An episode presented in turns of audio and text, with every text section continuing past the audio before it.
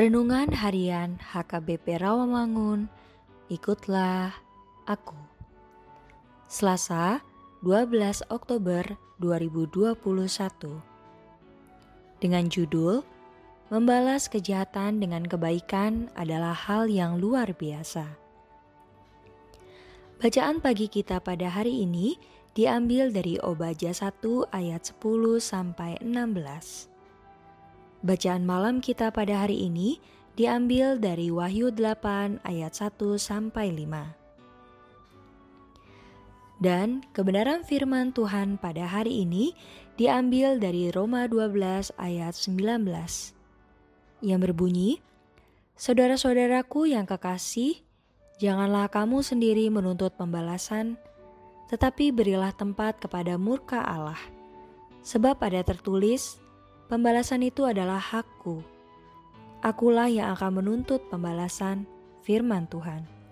Demikianlah firman Tuhan.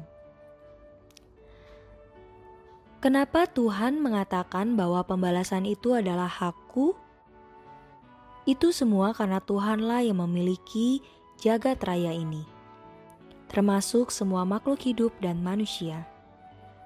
Manusia secara pribadi bukanlah pemilik apa pun di dunia Umat Kristen adalah wakil Tuhan untuk membawa kabar baik yang bisa membawa orang sejahat apa pun untuk menerima keselamatan melalui Yesus Kristus.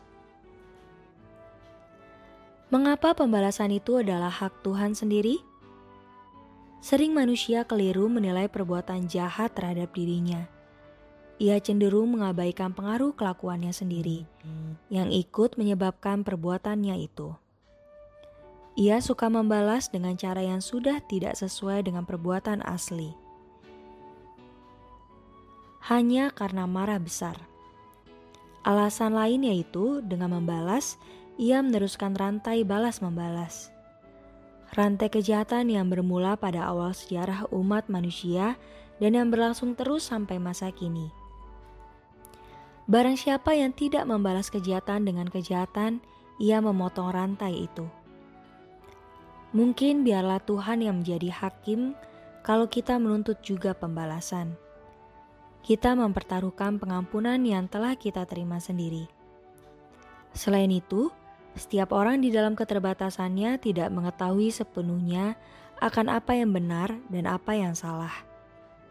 Karena itu, hanya Tuhan yang pada hakikatnya berhak menjadi hakim yang menjatuhkan hukuman kepada mereka yang melawan Dia.